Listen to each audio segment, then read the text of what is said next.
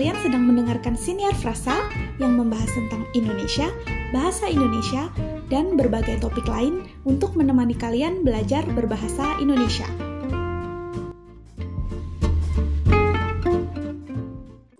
Halo teman Frasa, apa kabar? Kembali lagi di Siniar Frasa Bahasa Indonesia, masih bersama aku Trias. Dan aku Yohanes. Di episode kali ini kami akan membahas sesuatu yang berkaitan dengan hobi. Apa itu yo yang kita bahas kali ini? Ya, pada episode kali ini kita akan membahas tentang menulis ya. Ya, adakah dari teman frasa yang suka menulis? Kalau kamu gimana yo?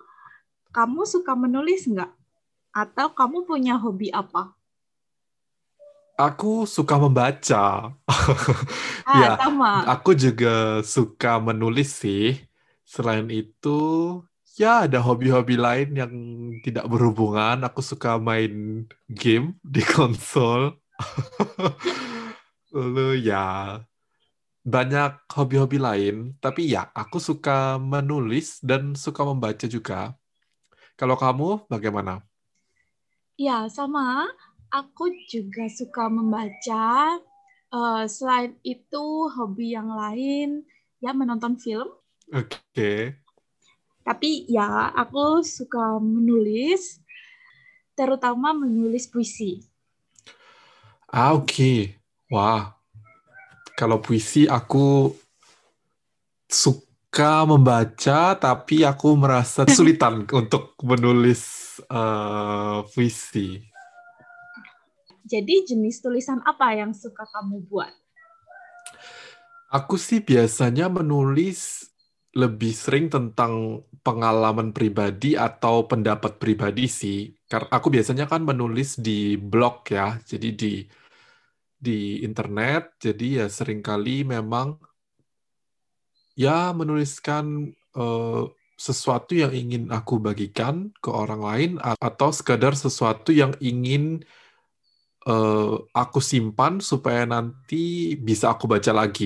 Jadi kebanyakan sih tentang pengalaman hidup, sesuatu yang aku pelajari dari eh, ya dari pengalaman atau eh, bisa juga tentang tentang sains ya. Jadi tentang ilmu benar-benar ilmu matematika misalnya sesuatu yang aku pelajari dan menurutku menarik untuk dibagikan ke orang lain ya. Jadi biasanya aku menulis lebih banyak hal-hal seperti opini ya atau bagian dari matematika. Jadi ya jauh dari puisi atau karya-karya yang eh, lebih bersifat sastra itu enggak, aku tidak banyak mengerjakan hal itu. Selain itu aku juga sekarang menulis diary sih, kalau kamu tahu, tapi bukan diary yang eh, mengarang indah begitu ya. Yang Kalau kamu tahu ada Diary. buku, ya bukan seperti itu. Kalau kamu tahu ada buku eh, yang judulnya Q&A, le- Ah, ya. Q&A a day. Jadi Ya. ada satu buku untuk lima tahun. Jadi setiap hari ada pertanyaan, misalkan hal paling kreatif apa yang telah kamu lakukan akhir-akhir ini, atau apa moto hidupmu, atau apa yang kamu suka dari tubuhmu hari ini, dan lain-lain. Jadi aku tidak mengarang eh, cerita dari nol, tidak bercerita tentang kejadian hari ini dari awal sampai akhir, tapi hanya menjawab pertanyaan-pertanyaan kecil saja. Jadi satu hari aku menulis eh, ya 5-6 baris kalimat gitu. Itu yang aku tulis. Wow, menarik sekali. Kalau- Seperti menulis jurnal gitu ya. Iya, Aku sepertinya pernah Hmm. melihat buku dengan model yang sama dalam bahasa Indonesia. Bukumu dalam bahasa Inggris atau dalam bahasa Indonesia? Ah ini dalam bahasa Inggris. Ah, Tapi iya. aku menjawabnya dalam berbagai bahasa sih. Terserah aku sedang ingin menjawab dalam bahasa apa. Oh iya, bagus juga ya untuk melatih eh, bahasa asing Iya. yang kita kuasai. Aha, Menarik. benar. Oke, okay, kamu tadi bilang kamu suka menulis untuk dibagikan selain untuk konsumsi pribadi ya. Nah, kamu ya. menulis sejak kapan? Dari awal menulis kamu sudah menulis di blog atau bagaimana?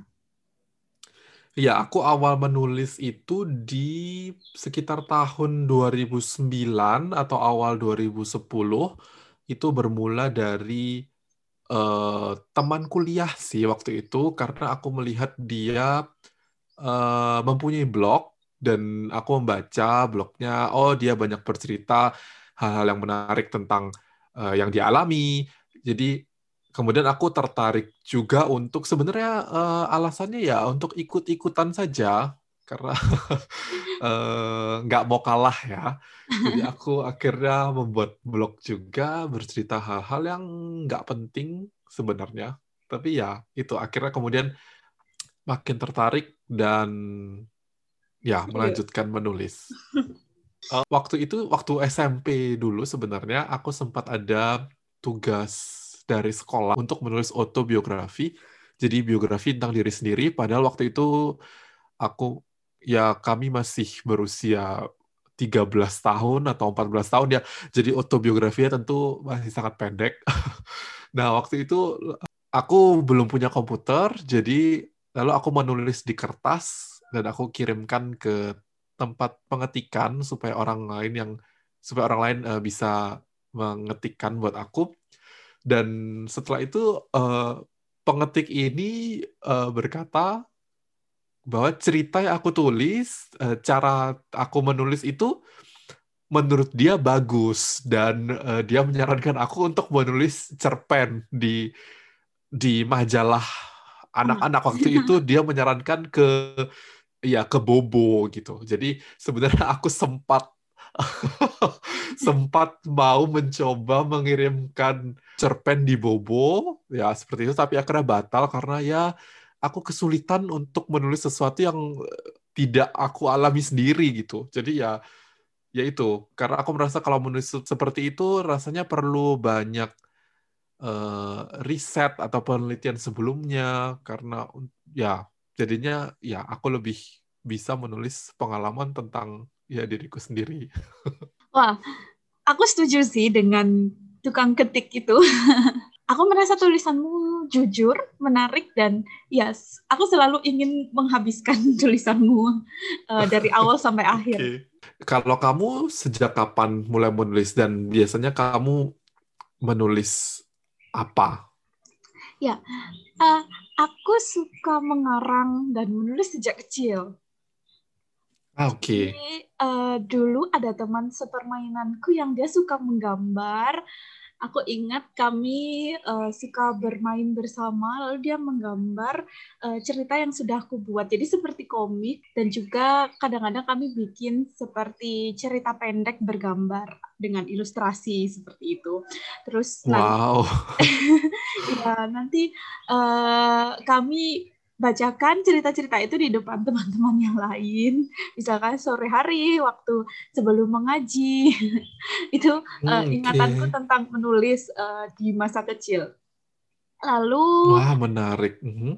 Ya, lalu aku uh, suka menulis ya masih sama banyak lebih banyak tulisan fiksi dibandingkan uh, tulisan sehari-hari walaupun aku juga menulis kadang-kadang uh, ya diari anak kecil. Misalkan hari ini aku bertemu siapa. Seperti itu aku menulis okay. tapi tapi akhirnya makin lama makin tertarik dengan dunia sastra. Jadi penulisanku mayoritas uh, tulisan-tulisan fiksi dan akhirnya berujung pada SMA itu aku lebih banyak menghasilkan puisi daripada jenis tulisan yang lain sampai sekarang. Ya, aku sempat membaca sih beberapa puisimu ya di blog ya itu ya. Iya benar. Iya. Ya, aku uh, sedikit membagikan puisi-puisiku di blogku sebenarnya. Aku banyak menulis yang ya akhirnya aku simpan sendiri karena ya menurutku eh, sepertinya kurang bagus untuk ditampilkan seperti itu. Jadi aku lebih banyak menyimpan tulisan daripada membagikannya. Kemudian okay. aku juga ingin sih menulis blog seperti kamu dan teman-teman yang lain uh, di masa SMA dan awal kuliah ya. Jadi ya banyak sekali teman-temanku yang membuat blog kemudian membagikan cerita mereka mulai merantau dari kota lain ke kota Malang untuk kuliah. Tapi aku mencoba aku tidak bisa membuat okay. cerita tentang diriku sendiri yang menurutku uh, sepertinya tidak begitu menarik. Kemudian aku tidak bisa hmm. membuat kata-katanya yang lugas. Ya akhirnya tidak aku lanjutkan. Akhirnya kamu bertahan di karya sastra ya, di puisi saja ya? Iya, karena dengan menulis puisi pun menurutku sudah bisa menceritakan tentang apa yang aku rasakan misalkan atau yang sedang aku hadapi, namun dengan secara tidak langsung seperti itu.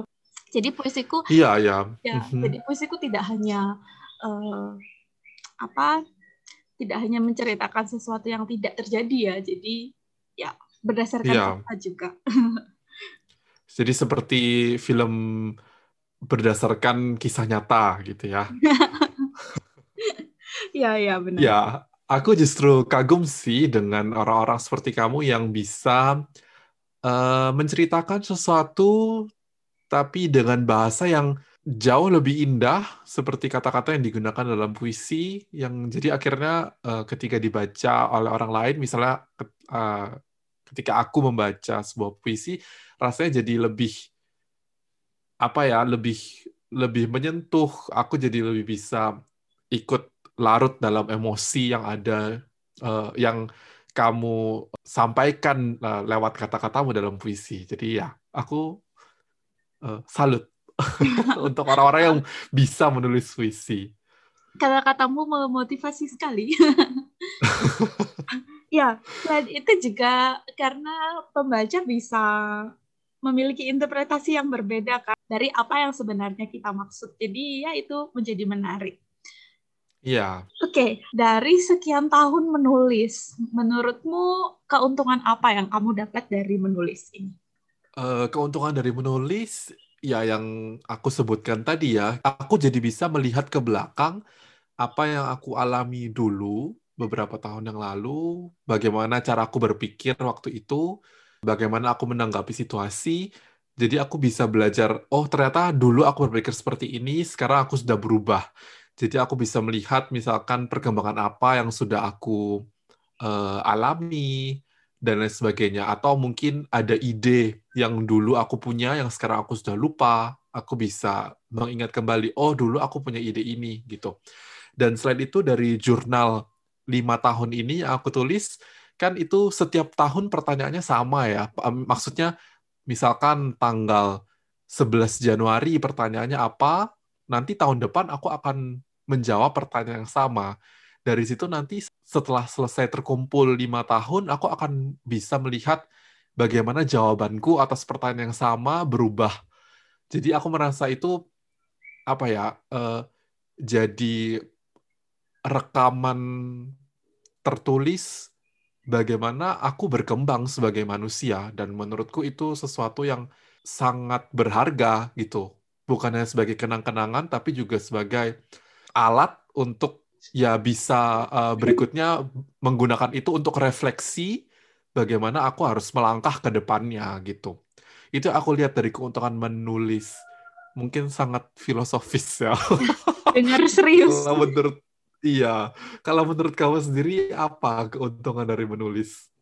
Ya, kalau aku menjadikan menulis salah satu media untuk mengungkapkan ekspresi tadi ya, mengungkapkan emosi. Ya. Jadi tentu setelah menulis akan lega. Misalkan menulis dalam keadaan sedih atau dalam keadaan marah atau dalam keadaan terharu, bahagia. Selain itu, okay selain dibagikan misalkan di blog atau di media sosial yang aku miliki um, membagikan tulisanku juga kalau kamu tadi membaca tulisan bisa menjadi sarana untuk refleksi ya kalau aku dengan membagikan tulisanku kemudian mendapatkan tanggapan dari orang lain itu yang akhirnya aku jadikan uh, bahan untuk refleksi tidak hanya bagaimana untuk menulis hmm. uh, ke depannya tapi juga ya bagaimana pendapat orang akan tulisan yang seperti ini? Misalkan tulisan yang sebenarnya aku tulis ketika aku marah bagaimana orang menanggapi tulisan itu? Seperti itu. Ya itu keuntungan yang paling besar sih. Selain itu ya kadang mengisi waktu luang saja dan juga apa ya menjadi salah satu uh, cara untuk misalkan aku sedang mengerjakan tugas uh, dan buntu dan merasa buntu tidak ada ide akhirnya aku menulis hal-hal yang lain seperti ya coret-coret saja menulis puisi hanya satu bait atau uh, menulis tentang apa yang sedang apa yang aku alami hari ini gitu jadi seperti menulis bebas untuk memunculkan inspirasi untuk aku melanjutkan tugas gitu. Jadi seperti selingan ya.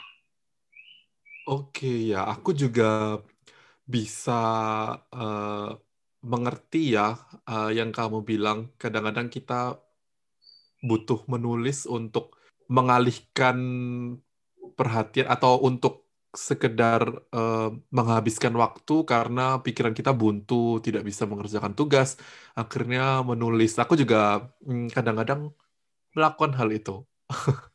Kalau kamu, karena kamu banyak menulis tentang pengalamanmu sendiri ya, nah kapan biasanya kamu menulis? Kalau aku kan ya begitu ada inspirasi aku biasanya menulis bisa saja ketika aku di jalan kemudian menemukan satu kata yang sangat menarik di kepalaku uh, ya aku langsung menulisnya di uh, telepon pintarku atau setelah menyetir motor misalkan di tengah mhm. jalan aku mendapatkan inspirasi setelah itu aku langsung menulis kalau kamu bagaimana itu kan pasti butuh uh, lebih banyak persiapan ya seperti kerangka kepenulisan atau ya gimana kamu menulisnya iya aku menulis biasanya ya uh, aku memang jarang menulis ya, jadi memang aku menunggu kalau ada ide saja. Misalnya waktu aku mengalami suatu kejadian tertentu yang menurutku penting untuk aku tulis supaya aku bisa ingat ulang. Nah, saat itu akhirnya aku menulis. Jadi memang frekuensi menulisku tidak terlalu tinggi. Jadi misalkan juga terjadi um, tahun lalu misalnya ada terjadi di Amerika misalnya tentang Black Lives Matter itu aku sempat mau menulis tentang uh, rasisme seperti itu. Pendapatku tentang rasisme seperti apa. Meskipun akhirnya hanya berhenti di coretan dan tidak sempat dipublikasi, tapi ya aku biasanya menunggu momen-momen seperti itu. Atau misalkan beberapa waktu yang lalu aku juga aku juga sempat menulis tentang uh, apa sih yang dipelajari di jurusan matematika. Itu juga karena terpicu oleh komentar orang-orang yang sering kali merasa untuk apa sih belajar matematika sampai ke tingkat tinggi uh, karena ujung-ujungnya juga akan jadi guru saja banyak orang yang beranggapan seperti itu kemudian ya aku akhirnya terpancing untuk menuliskan itu untuk aku bagikan ke orang lain supaya orang bisa lebih mengerti tentang jurusan matematika Ya, akhirnya dengan menulis itu aku akhirnya juga terbantu sih karena aku akhirnya mencari tahu lebih banyak tentang pekerjaan-pekerjaan lain yang bisa didapatkan dari jurusan matematika yang mungkin aku sendiri juga masih belum paham waktu itu. Jadi ya seperti itu. Jadi aku menulis menunggu ada momen yang memicu. Iya, aku menunggu ada momen yang memantik aku. Jadi biasanya sih ya tentu tentang topik-topik yang menurutku penting. Jadi tentang jurusanku, tentang topik-topik penting yang menurutku perlu diangkat, misalnya tentang rasisme atau tentang hal-hal seperti itu. Jadi ya, aku penulis pasif ya. Harus ada sesuatu dulu baru aku mulai.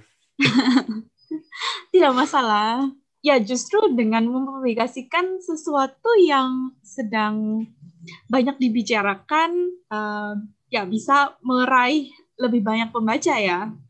Itu sepertinya Harapannya. sepertinya strategi yang bagus. Oke, okay. nah selama kamu menulis pasti pernah kan merasa ya buntu, tidak ada ide. Nah, kalau kamu menanggapi masalah itu bagaimana? Ya, itu selalu terjadi ya. Di tengah-tengah menulis selalu kita kehilangan ide apa yang harus ya ini seharusnya dilanjutkan dengan apa gitu ya.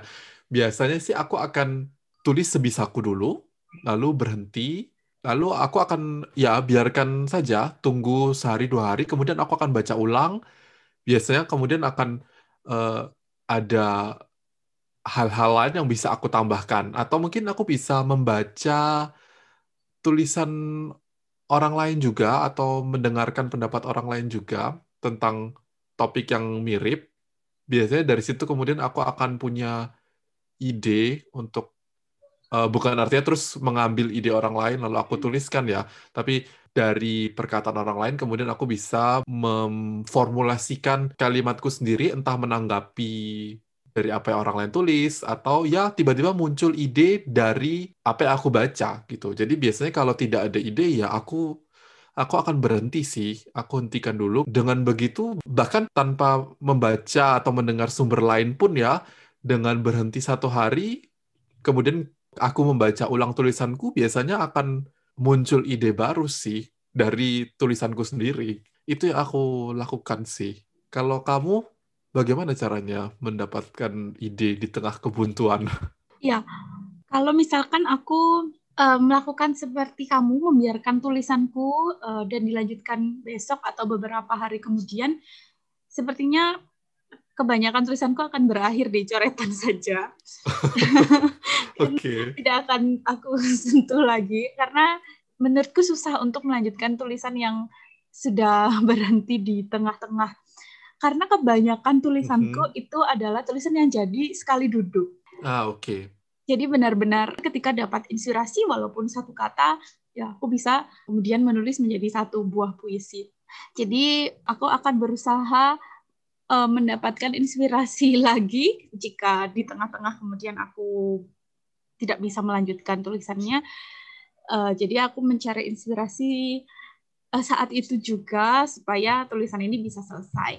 Biasanya dengan cara membaca, uh, tidak hanya membaca buku puisi ya, jadi bisa membaca apa saja, paling tidak untuk menemukan kata kunci apa yang bisa uh, aku gunakan. Mm-hmm. Kemudian uh, kadang aku juga menulis menulis bebas, jadi ya hanya menulis apa uh, yang sedang aku lihat atau apa yang ya tadi terjadi padaku seperti itu untuk sama sih ujung-ujungnya adalah mencari kata kunci itu tadi apa kata kunci yang hilang. Okay.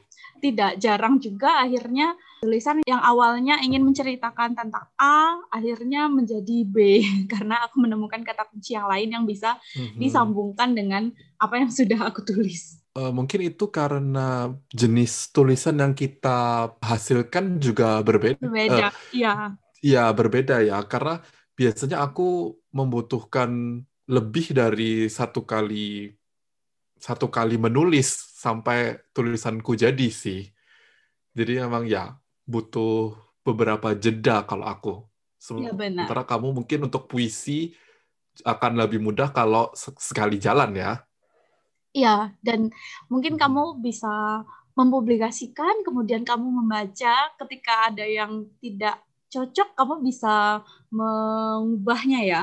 Kalau aku ya. tidak, aku tidak bisa mengubah tulisan yang sudah jadi. Ya, nah sebagai orang yang suka menulis nih, tentu kamu punya dong penulis favorit. Nah, uh, siapa sih penulis favoritmu? Ya, karena aku suka menulis puisi, jadi penulis favoritku juga penyair. Oke. Okay. Salah satu dari penulis favoritku adalah Sapardi Djoko Damono. Kalau kamu tahu, pasti tahu sih. Uh, ya. Pernah dengarkan puisi Aku Ingin Mencintaimu dengan Sederhana? Iya, iya. Iya. uh, uh, dia ini yang baru meninggal tahun lalu ya? Iya. Aku uh, tahu Hujan Bulan Juni. Iya, benar. Selain itu, penulis lainnya Andrea Hirata ya, okay. yang menginspirasi aku untuk uh, belajar, berjuang, dan akhirnya juga bisa melanjutkan pendidikan ke luar negeri. Ya, klise. Oh, oke. Okay. Ya, wow. klise dan... Besar ya pengaruh Andrea Hirata untuk ya, kamu. Dan, dan ba sepertinya banyak teman-teman lain yang juga kemudian terinspirasi untuk melanjutkan pendidikan di luar negeri uh, karena tulisan Andrea Hirata. Mm -hmm. Kalau kamu siapa penulis favoritmu? Aku malu ya kalau membahas penulis favorit sama kamu karena ya aku tidak ya bacaanku tidak banyak tentang karya sastra yang ya bentuk berbentuk puisi dan sebagainya. Aku suka membaca banyak tulisan atau membaca banyak novel entah berbau detektif atau berbau sesuatu yang ada elemen sainsnya. Jadi aku suka membaca buku-buku dari Agatha Christie. Ya, uh, baru mau aku ya. nyeplos. Ah, oke. Uh, selain itu, aku untuk penulis yang lebih baru, aku suka tulisan-tulisan Dan Brown. Ya, karena aku merasa ada banyak sekali elemen elemen sains dan apa ya banyak hal yang harus dia teliti sebelum dia bisa menulis buku itu. Ada banyak pengetahuan yang dia sisipkan di situ dan ya aku suka sekali tipe-tipe tulisan seperti itu yang membuat kita berpikir, uh, lalu ada elemen detektifnya juga, kita menebak-nebak. Ya, aku suka tulisan-tulisan seperti itu.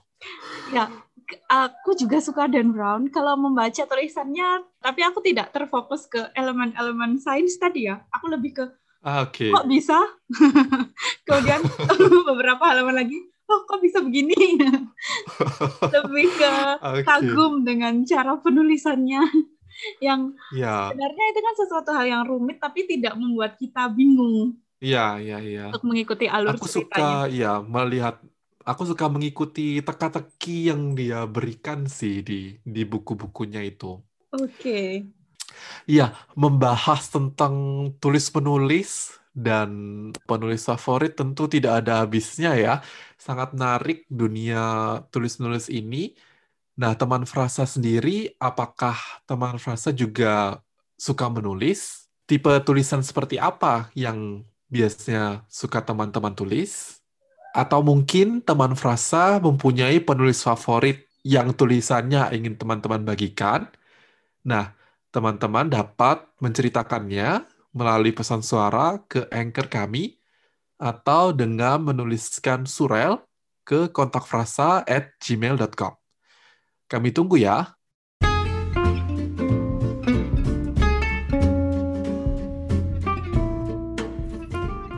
Ungkapan minggu ini.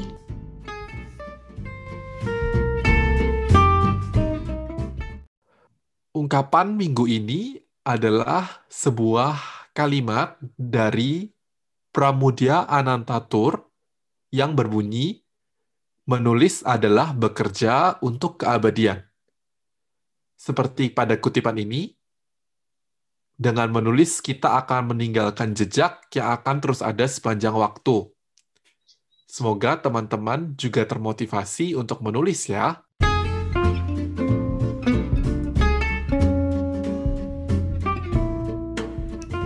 Rekomendasi minggu ini. Rekomendasi kami minggu ini adalah puisi berjudul Kamus Kecil karya Joko Pinurbo yang merupakan salah satu puisi dalam kumpulan puisi berjudul Selamat Menunaikan Ibadah Puisi.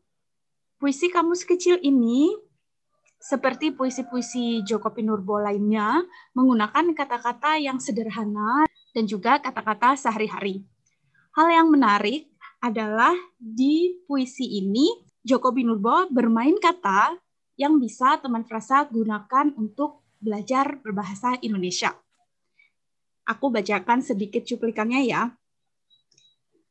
Saya dibesarkan oleh bahasa Indonesia yang pintar dan lucu, walau kadang rumit dan membingungkan. Ia mengajari saya cara mengarang ilmu sehingga saya tahu bahwa sumber segala kisah adalah kasih, bahwa ingin berawal dari angan.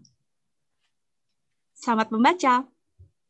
Terima kasih sudah mendengarkan Siniar Frasa. Sampai jumpa minggu depan. Dah. da.